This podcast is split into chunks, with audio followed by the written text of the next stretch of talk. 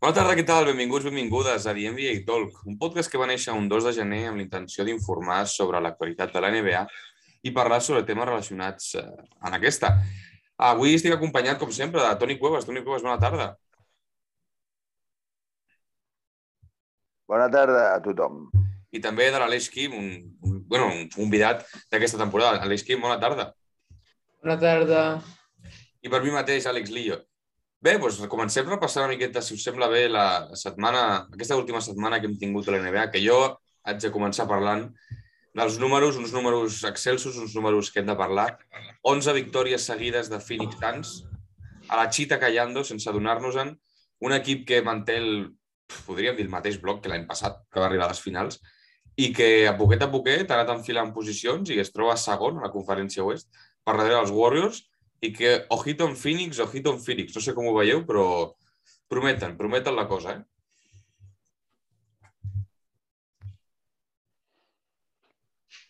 Bé, a l'oest a l'oest ja em passen moltes coses, han passat moltes coses i, i Phoenix Suns s'està aprofitant de que té una bona plantilla, evidentment, i que hi ha moltes baixes a l'oest. Ja, ja venen de la temporada passada. I, i Phoenix, tot i, al meu entendre, no ser un equip molt sòlid, és un equip que està bé, és un equip però no és un equip per guanyar l'anell. És un candidat a l'anell, però que a la que es trobi davant un rival potent no pot guanyar l'anell, perquè encara és feble amb algunes estructures. Però eh, a l'oest, aquest any, ja en fase regular, les coses eh, s'han posat eh, més assequibles per un equip com Fènix, que, que està ben equilibrat, està ben construït, però que en condicions normals no aniria tan bé. Sí, bueno, Àlex, com has dit tu, eh, l'únic, no, no, no han canviat massa de la plantilla sobre l'any passat. L'únic jugador que hi ha de nou és el Joel Magui, que no és un jugador que t'hauria de fer sucre, guanyar... I sucre. Clar, ex exactament. Uh, bueno, i bueno, el Devin Booker està fent molt bé, com totes les altres temporades passades, i el Chris Paul, pues, com sempre, 10 assistències, 14 punts, és, són números de Chris Paul.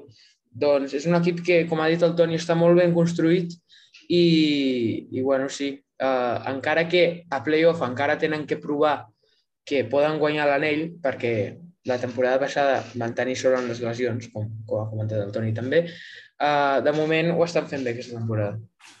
Bueno, però l'experiència també és important, no? Perquè o sigui, sí que és cert que és un equip que podríem dir que no és uh, de format... Sí que és format en ell, però té els seus peros d'edat, etc etc.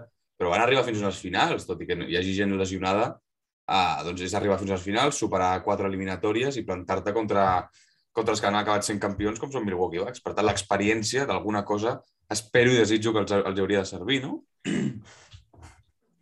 Sí, segur. Uh, bueno, el, el, el jugador com el... 30, el va ser titular. Digueu, digueu. Ah, bueno, no. Que un jugador com el Javel Magui, encara que sigui sucre, ja té dos o tres anells. O sigui que és un jugador amb experiència. Tres anells té. És, és una cosa important per a aquest equip. Sí, sí. Um, bé, és un... Estan, estan, tenen l'estructura de l'any passat, ho han de fer millor que, que, que, que, que, que, que pitjor. No? O sigui, no poden anar malament aquest equip, a no ser que tinguin la mala sort de les lesions. De moment no les estan tenint, en, una, en un oest on està bastant malmès per lesions de jugadors importants. Bé, uh, veurem, això és molt llarg, veurem com acaba tot, com, uh, com, amb, amb qui compta tothom al final.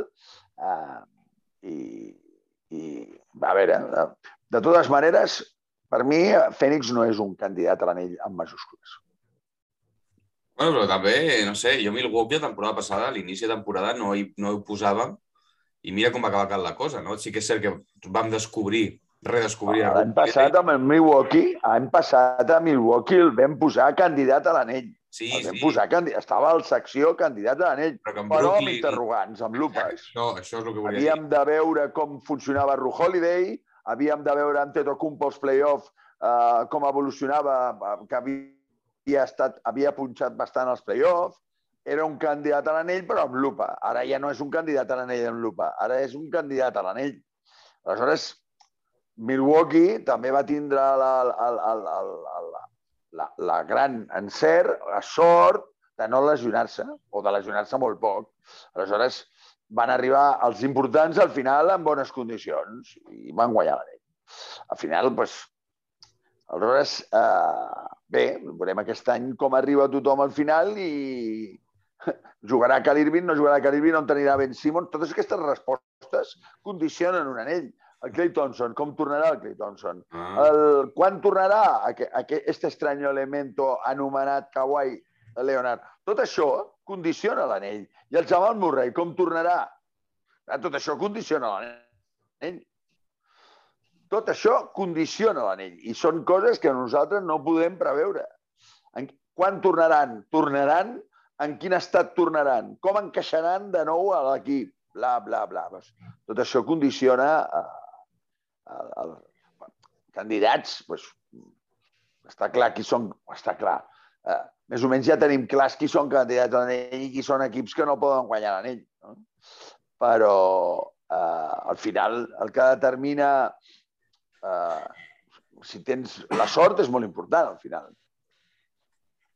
Sí, és que també jo crec que estem mal acostumats perquè Kevin Durant ha tornat com una cosa que no ens esperàvem i que no és natural, no és algú normal. Hi ha molts jugadors, poseu-vos a mirar el passat, que han tingut lesions diguéssim, d'aquestes que dius se'ls ha acabat la carrera i no han tornat i si ha tornat ho han fet a un nivell molt més baix. De Marcus Cousins, que havia de ser l'Star i ara no el tenim, ni el tenim. Per tant, jo crec que sí, estem mal acostumats i espero que estigui, seguim estant mal acostumats i que tant Jabal Murray que Clay Thompson uh, bueno, tota la pila de jugadors que tenim lesionats a la NBA tornin bé, perquè si no és una llàstima, no? jugadors que prometien ser molt i acaben pues, pues en el no-res, bàsicament. Sí, sí. Bueno, Uh, parlant Marcus de Clay Thompson... Ha tingut Ai, les dues lesions més greus. Clar, clar, això, això. Sí, digues, digues, digues. Que parlant de Clay Thompson, eh, ja està entrenant novament amb els Warriors, amb l'equip principal dels Warriors, sense cap problema, eh? O sigui que Clay Thompson d'aquí poc ja torna. Sí, però... Sí, sí. Sí, sí, però com tornarà? Ah. Pensa que el nivell d'exigència és molt greu. Clay Thompson, Àlex, t'haig d'accentuar un aspecte. No és el mateix lesionar-se... La lesió de, de Kevin Durant era un Aquiles Clay Thompson és Aquiles i genoll creuats. Són dos lesions. O sigui, eh, i cada jugador té unes característiques, una manera de jugar, una tipologia física. El, el de Marcus és, és, un, és, és un, un sac de patates. El tio pesa molt, la relació pes-potència la té fatal, pesa molt per la força muscular que té, bueno, i a sobre ha tingut les dues lesions més greus que pot tenir un jugador de bàsquet. No? Aleshores, Clay Thompson està en el cas de DeMarcus, a nivell de lesions.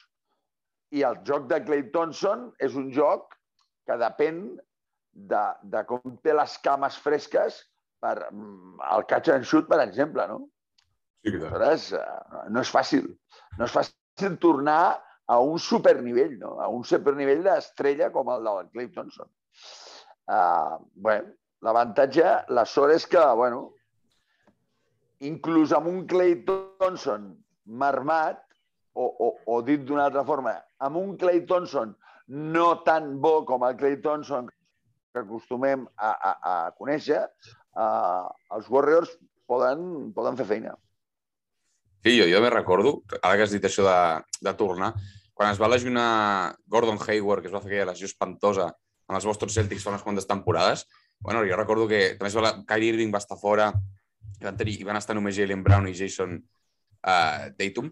Recordo que els play-offs contra els Caps vam dir, jo recordo que almenys ho pensava, dic, si torna la temporada que ve Kyrie Irving i Gordon Hayward, bueno, els Boston Celtics ho, peta, ho peten. I la lesió de Gordon Hayward, doncs, ara està en un bon nivell, però no és el nivell de super, super estrella. Per tant, que les lesions, com bé dius, pues, que pots tornar, com pots tornar, és un incògnita, vamos, molt, molt, molt gran. Sí, sí,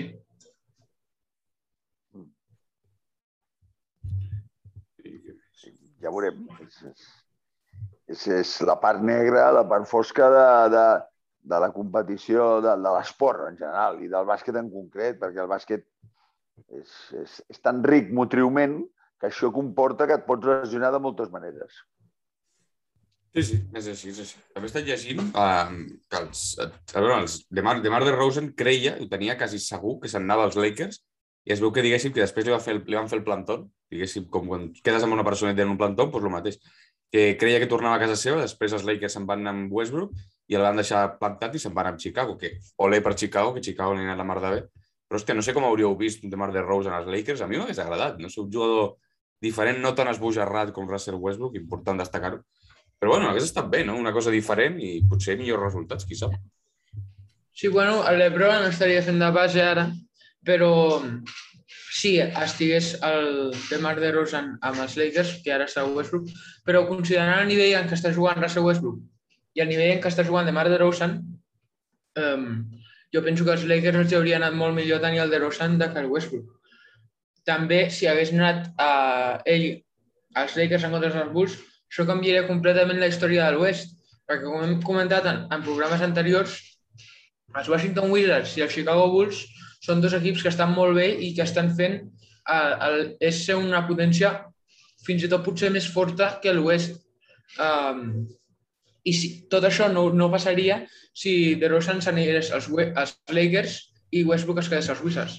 Doncs jo penso que pels Lakers hauria estat millor bueno, tenir el de Rosen, sí. però com a, com a fan del bàsquet, eh, jo prefereixo, jo penso que és millor que el de Rosen s'ha lesionat als Bulls. Sí, sí. Bueno, no ho sé. En principi, el que dius l'esquim eh, és, és raonable. En principi, el format de jugador de Rosen combina més amb l'Ebron que, que Russell Westbrook. En principi és així. Al final passarem passarem ratlla i farem valoracions. Però en principi sí. En principi de Rosen combinava millor amb l'Ebron. Um, I també és veritat que en aquests moments l'Est uh, està molt, està molt, està per sobre del nivell de l'Oest per totes les absències que hi ha a l'Oest, principalment. Bé, eh, veurem el decurs de la competició. Eh, un jugador... Jo, jo aquest any estic molt pesat estic molt pesat amb el, amb el, amb, amb el Jamoran i, i, i incloc Memphis, perquè és el típic... Memphis és la típica franquícia que no fa, no fa gens de gràcia. No, no, no mola ser de, que t'agradi Memphis. No. Vale? Però, senyors, jo cada dia sóc més de Memphis perquè veig a Jamoran com una de les... Clar, Uh, Jamoran surt a la llista del jugador més millorat. Quasi és un insult, això. Uh, L'any passat, Jamoran va fer uns play-offs de 30 punts per partit. Parlar de jugador més millorat en fase regular al mes de novembre em sembla un insult. Quan aquest jugador ja ve de fer 30 punts per partit en un play-off. Per tant, de jugador més millorat, res de res.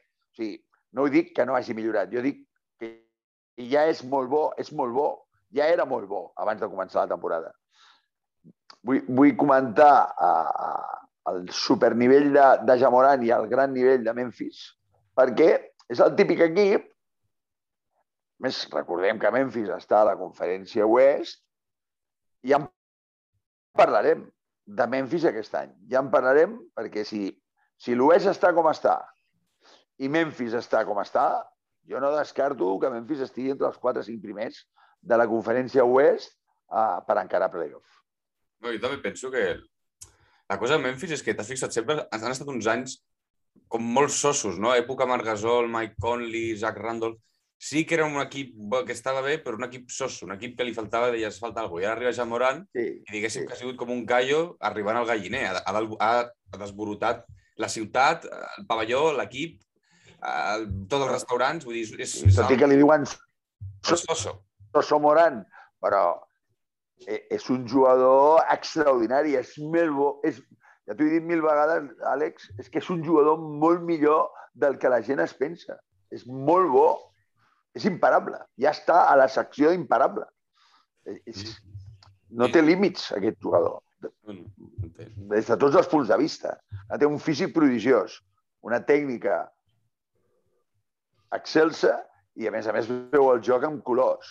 I, nois, Paga i vamos. i la plantilla és una plantilla ben, ben, ben feta. I, I Steven Adams, tot i que no et fa els números de Valenciunes, eh, combina millor amb tota aquesta penya que Valenciunes.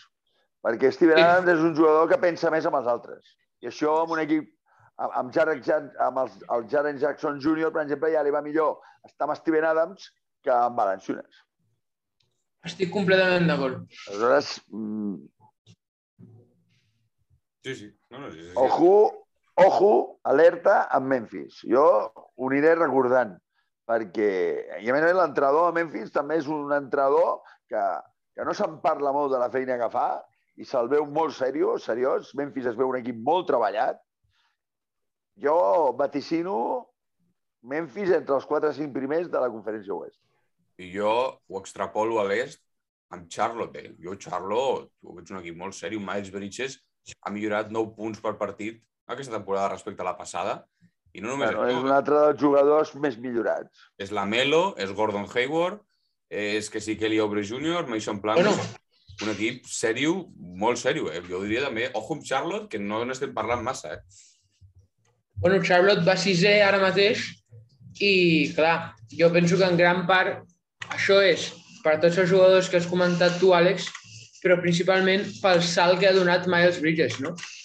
Ha anat de fer 12 punts per partit a fer 21 punts per partit, que són quasi 10 punts de, de més de, com, de que estava fent.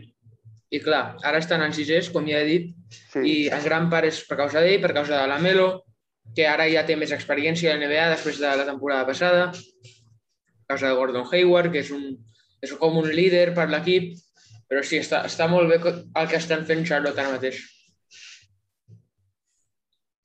Sí, sí, jo estic totalment d'acord. que No sé com opines tu de Charlotte, perquè un equipàs, jo que equipàs Charlotte.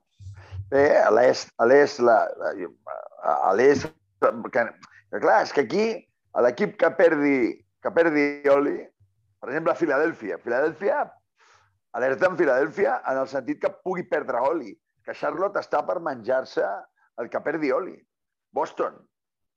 Aquí el que es descuidi cau, cau a baix. Perquè, clar, Milwaukee anirà cap amunt. Si no té lesions, clar. Milwaukee anirà cap amunt. Washington i, i, i Chicago són les noves forces de l'est. Són a, a, a, els nous xuletes de la banda, que diuen, eh, fins ara hem estat, fins fa poc, estàvem a, a baix de tot, mirant-vos a vosaltres des de sota. Ara estem des de dalt. Brooklyn és Brooklyn. Brooklyn, El temple. És, Brooklyn és, vamos, és un encara temple que no tinguin a Kyrie Irving, eh, és un temple de, de, de gent maca, de gent mística, de gent que sap de molt... bé. talent. Vull dir, Bueno, van primers sense Ah, Kyrie Irving. I a la que pugui tornar, sí, sí. És que si no, és que a la que pugui tornar, a la que torni Cal Irving, per tots els, per tots els sants que torni ja, és que, clar, aquest equip és, és, és, és, és una passada. Però clar, Charlotte ha, ha, ha vingut, ha aparegut i ha dit, escolta, aquí que ningú perdi oli, perquè aquí no estem nosaltres per, per fer de comparsa, no? Charlotte no té un equip per fer de comparsa. Té un equip per guanyar-te a la que estiguis una mica tontet. Llavors tenim Atlanta. Atlanta que... La ratxa negativa d'Atlanta. Ara tenim Atlanta que ja torna a tenir una ratxa positiva, tal com et vaig dir, Àlex, a Sí, l'últim l'últim podcast. Sí. Atlanta té un equipàs. Ah, a veure, Atlanta també no està per regalar res a ningú. No, La feina que té Indiana Pacers amb una plantilla sèria sí, sí, la feina que tindrien a Pacers per guanyar un partit. Ah. I Filadèlfia que no s'adormin amb el tema Simpson, ai, amb el tema, perdó, Simons, Simons, Simons. I, i, i Joel Embiid que falti pocs partits. Sí, sí, perquè si no...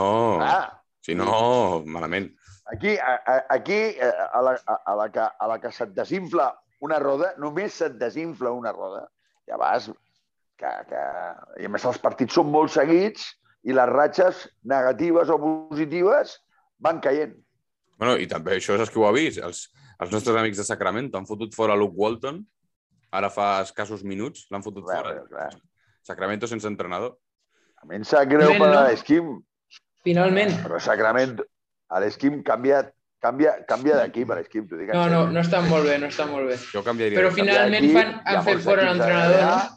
Això és com canviar... I dale, tu... Què ets? De la secció, els entrenadors... La, la plantilla és la que és. La plantilla és la que és. Vindrà un altre entrenador i que podrà millorar, pot pot millorar, però al final, vale, sí, i tot i amb un Harrison Barnes que ha millorat, MVP, MVP, ja ho vaig, ja ho vaig dir jo. Harrison Barnes, nivell ah, MVP. però és que... Però, però, però, però... Bagley és una losa molt bèstia. Si et falla un tio com Marvin Bagley, clar, tens el Holmes que t'està rendint inclús per sobre del que esperaves. Joder. El Darren Fox El Holmes és un vale, res. està a un bon nivell. Darren Fox està a un bon nivell. Si, si Bueno. Fox baixa dels 20 punts, no pot guanyar aquest equip. Tens a, a Barry Hill, que, que, que bueno, és un shooter, un tirador, un anotador, vale. Bueno, però, a veure, Sacramento no va sobrat, eh? De, de, de, de... No, Clar, Marvin Bagley que està fent el tonto, diguem-ho clar. és un zero a l'esquerra, pràcticament. Sí, sí, és així. Aleshores, això, es- això es paga car. Això es paga car. I, I no dic que eh, fos una mala elecció de, de... Perquè ara, clar, ara és molt fàcil parlar... Oh, perquè és el draft de, de Doncic, de, de Trey Young, no? Mm. Marvin Bagley. Vale, molt bé. El número 1 qui va ser, que no me'n recordo? De- d'aquesta Va ser el. DeAndre Ayton. DeAndre Ayton, DeAndre Ayton. Va ser Phoenix. Vale, DeAndre Ayton, vale. Bueno, és un bon draft aquest, eh? Joder, És un bon Sí. draft. I, Molt bon. I l'elecció de Bagley no és una mala elecció. No, Ten en compte que tu tens a Darren Fox. Bueno, sí, però Diaron Fox està fent 6 punts per partit menys que la temporada passada. O sigui que, encara que l'entrenador no sigui Això gens és culpa bo, de l'entrenador. però també és culpa de l'equip. És culpa de, de tots, no? És culpa Però de gran part és per culpa de El l'entrenador, que no responsable és... és únic i exclusiu. No, bueno, ja ho veurem. Bueno, ja ho veurem. Ja ho veurem, home. Ja ho veurem. Ja veurem. El Darren Fox té la bola. El, Darren Fox no depèn de que li passin la bola, eh? Ja ho veurem. Passa que a l'esquim, quan parlem de Sacramento, eh, no li li, li toques massa la fibra i deixa de ser totalment imparcial. Bueno, però Es tranquil. torna, es Bueno, torna bueno. tribunero. Però pot estar... Bueno, quan, parla de, de, quan parla de Sacramento es torna tribunero. I el tribunero critica l'entrenador. Ah, El tribunero d'aquí del futbol, del Barça... L'entrenador és dolent. Bueno, però... Bueno, bueno, a veure, hem de- hem l'entrenador és d'analitzar la plantilla. Sí, sí, sí. Però és, ha d'estar tranquil, perquè no és el pitjor equip de la ja ho NBA. veurem ara. Ara qui ha d'entrenador? Com a Alvin. mínim. Alvin Qui Gentry, és no? el nou entrenador? Han, han Eh? promocionat a l'Alvin Gentry, aparentment. Però si, a, a, però si el Gentry té que estar en un geriatri. Per l'amor de Déu. Tots els meus respectes, tio. Però sí, ja. Va estar, va estar a Pelicans. A Pelicans. Va estar a Pelicans i estava que es queia el tio. Sí, Ja. que que ja, sí. Bueno, bueno, vale. Sí, sí. A veure, ara, a, a, mira la cara de- d'Alvin Gentry, a veure, si D'Aaron Fox ara se'n va als 30 punts per partit. Bueno, a veure, A igual, veure, igual sí, no sé. Bueno, de, bueno, de totes formes, Sacramento és la història de mai acabar. No hi ha manera, tio. Sacramento no hi ha manera. Bueno, però tranquil, no, no, és, greu per no és el pitjor del tot. Parlem de Houston. a veure, a veure, no fer el playoff O sigui- en 15 anys sí que és el pitjor de tot, eh? Bueno, això sí, però mira com està Houston aquesta temporada, eh? 1-15, eh? Han perdut 14, Ja, ja. Partits, 14 partits seguits, només van guanyar el primer de temporada i des d'aleshores 14, 14 partits seguits i li estan pagant 44 milions de dòlars a un tio que no està jugant, que diria que cobra més que, el, que tota la plantilla restant junta. Més malament, perdonareu, no es pot fer. És, és veritat, és veritat. O sigui, el de, de Houston és algú... Bueno, la, la, Houston, Sí, sí. Houston, va, bueno, Houston és un equip jove que al seu moment van canviar a, a Wall, John Wall, Sí, van canviar John Wall per aquí, pel, pel, pel tema Harden, no? Va ser, sí, sí, clar, el Harden, uf, el Harden va ser un, un, terrabastall, el del Harden. Aleshores, eh, bé, eh, eh, ara com et treus de sobre John Wall? Això és uf, molt complicat. molt complicat perquè, Això perquè uh, qui, qui vol a John Wall amb el contracte que té? John Wall eh, és que és un, és un, és un problemón. Bueno, I més que Allà no on vagi, quadra. llavors ningú, ningú... Que no hi quadra. Si t'has fixat, no quadra la plantilla. És un... Plantilla jove és un tio que està fora de No, l'edat. no, no, home, home, no, no, no. Està fora, fora, totalment No, fora de, de, de, No combina ni amb, ni amb, ni amb oli, ni amb sal, ni amb vinagre, ni amb res. Res, de res, de res, de res. De res. Bueno, ell hauria de fer alguna com Blake Griffin, no? Sacrificar el seu salari per anar a un equip que pugui jugar i potser anar en contenció per un anell. Però això ho sacrificarà, això ho farà quan acabi el contracte. Ah, ah, Mentre té aquest contracte, És que, clar, Això són- això són 44 molts milions calés. és molt, que és molt, són molts calés. molts Quan calés. acabi aquest contracte... Ah, i us vaig dir una cosa, quan aquest contracte s'acabi i John Wall vagi a jugar amb un equip per 3 milions de dòlars, perquè serà això. jugarà superbé. Aleshores veurem, Sí, si no és la Gero, veurem un bon jugador. Eh? I tant, i tant, ho tinc claríssim. Jugarà sí, sí. ja alliberat, de, de, ningú se'l mirarà amb... amb... Llavors veurem un bon jugador, ho veuràs. Però ara, ara és un càncer, ara és un problema. I a més en, en un lloc com Houston, no? Que, que tots són joves i s'està construint tipus Oklahoma, no? Houston està en plan Oklahoma, no? Un equip molt jove, amb el número 2 del draft, el Jalen Green, amb el Christian Wood, bueno, un equip que, escolta'm, el, el, el Tate, eh, bueno, també sobra Aaron Gordon, ai, perdó, Aaron Gordon, el Gordon, com es diu de nom l'altre Gordon? Eric, Eric, Eric Gordon. Eric, El Gordon de Houston. que també Eric baston. Sí, sí, aquest també... Gordon Molta també pela. sobra, és, és l'últim dels antics Houston. Mm. Bueno, Houston ara mateix no és res. Està construint de nou una, una, un equip per, per, per poder per poder aspirar a alguna cosa. Ara mateix està lluny. I no sé, al- algo també, a mi també em sap greu per aquests jugadors, perquè és una mica semblant com el que li passa a Detroit. Perquè Detroit, per exemple, és un equip que està al pou, deixem-ho clar, té bons jugadors, està Jeremy Grant, que Jeremy Grant ha fet un salt des de Denver, un salt per ser un tio important. Jo crec que ara sí, és el, sí. és el moment de...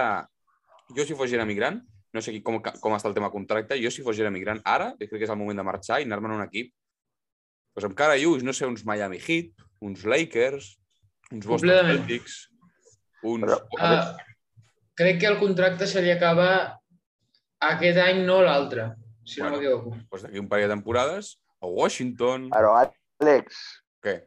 Àlex, per, per, perdona, el, el Jeremy Grant ja estava en un equip fantàstic. Sí, però amb menys Ja protagonisme. Jo crec que ni sabia Home, ni... eh, pues aquí està, aquí està, Àlex, aquí està. Si ara torna a marxar amb un equip amb candidat a l'anell, perdrà protagonisme, és evident. Per tant, la, la, Jeremy Grant se'n va de, de, de Denver perquè vol protagonisme. Ja ho això ho ha aconseguit. Està, protagonisme que va unit també al salari. Sí, bueno, sí, a partir d'aquí hi ha dues opcions. O, o, o et quedes a Detroit i es construeix al teu voltant una plantilla per guanyar l'anell, o fas tipus Lillard, que tant te fot. ja. Sí. Bueno, perdóname, Lillard no tant se li en fot. S'ha quedat en un equip tota la vida. A veure, Perdona, és, Perdona, això és le lealtat, fer- és lealtat, no és tant se n'en fot. perdona, perdona. La lle... Tant se'n fot vol dir que per ell està en els sentiments vers la ciutat, Exacte. vers la franquícia, vers la gent de Portland, que guanyar o no l'anell. Quan dic tant se n'hi en fot, és Vale, tant se això fot sí, guanyar sí. l'anell. Per, mi, per, mi, per mi el més important és les relacions, a part de que té un contracte a la mar de maco, les relacions amb la gent, eh, jo estic fantàstic aquí, bueno, pues, Lillard no guanyarà mai un anell. Vale. És una opció, que jo no ho critico. És una opció. sí, és una A Portland és molt difícil guanyar un anell. Vale. Bueno, però també podria passar que passi, un, que passi una com a temporada passada, que és legioni tot l'oest, toco fusta que no, i que es planti Portland a la final, que també és una opció viable. Sí, home, sí. Bueno, fa un sí, parell de temporades ja van arribar a final de conferència Ara. contra els Warriors. Pues això, vull dir que... Que pot passar, vull dir. Perdona, però Portland va perdre contra Denver sense Jamal Murray, Denver, l'any passat. M'equivoco? No, no, no. No. Ho dic bé o m'equivoco? Ho dius la mar de Ho bé. dius bé, ho dius bé. També Home, Sí, sí. millor moment. Jo, jo em vaig emprenyar molt en Portland. Vaig dir, aneu a pastar fang. Perquè, clar, si no guanyes, si no passes a l'eliminatòria amb un Denver sense Jamal Murray, mm, a, a, a què estàs, a, a, en aquest circ? A què estàs, en aquesta història? Home, Contra qui has de se't jugar? posa... Denver Sí. se't posa a tir. Home, home, home, allà vaig dir Portland, no, no me vales. Home, clar, què més hi ha? Ah, clar. Que sí, que sí. Que sí. Aleshores, Portland eh, és un equip de ni fu ni fa i, i, i Lillard escollit està en un equip de ni fu ni fa. Bueno, doncs ja està. Bueno, i a més a més, Igual amb farà- això, Digues, digues. el Lillard ha baixat 7 punts per partit de la temporada passada, uh, 10, quasi, quasi 10 punts per partit, no, en realitat, punts per partit de fa dues temporades, quan, com hem dit, va arribar a la final de la conferència, pues, clar, uh, penseu que és possible que estigui fent alguna cosa estilo Harden, que se'n vulgui anar a Portland d'una vegada i per això està jugant malament, diguem, que només està tirant, a veure, un 29% de triples, eh? És molt greu per un jugador com Lillard que viu dels triples. Sí, però... però no ho sé, jo no ho veig. Eh? Jo, No ho sé, no ho sé. No em quadra amb, amb, amb la filosofia Lillard. estic d'acord. Sí, perquè Lillard és molt patriòtic. Jo crec que amb tampoc el ho Lillard, veig, eh? bueno, Lillard és patriòtic, tio. Lillard és un tio que li agrada Portland, li agrada... sé les regles, aquest canvi de regles l'ha afectat una mica, Sí, és veritat. no van tant a alinear tirs lliures, igual que el Harden, Sí, sí. no sé, no sé, fins a quin punt... No, no m'imagino el Lillard forçant la seva sortida baixant el seu rendiment. No, no m'ho imagino, i més en Portland, que, que Portland ja sap on està, de Portland. Sí. Portland Sí. fa molta fred, i, Sí que fa fred, sí. I, i bueno, no sé, jo la veritat és que no, no sé, encara falta molt, però a mi me les va, em, va- em va destrampar molt el que va fer Portland a- al playoff de, de l'any passat. No? Això em va, vaig dir que aquest, aquest equip no serveix per guanyar l'anell, això està clar. Pues sí, sí. Ah. Pues, Sí. pues no, molt bé, hem fet un repasset una Es- mica. a- Escolta, tenim temps per parlar dels espanyols de la NBA o ho deixem pel proper programa, Àlex? Com ho veus? Jo ho deixaria, ho deixaria pel proper programa, així deixem la, Ah. La coletilla pels, pels propers episodis. Així Oh, que... és que tinc ganes de, de parlar del tema aquest de... de... I ho enllaçaríem amb, amb, amb espanyols a la NBA. Bueno, Pues... I ho enllaçaríem amb aquesta que hi ha actualment per accedir a la millor lliga del món, no? bueno, pues deixem aquí el tema i la setmana que ve doncs, que, que la gent que hagi arribat fins al final del programa doncs, que ho escolti. Qui ho hagi arribat Pues sí. en primícia.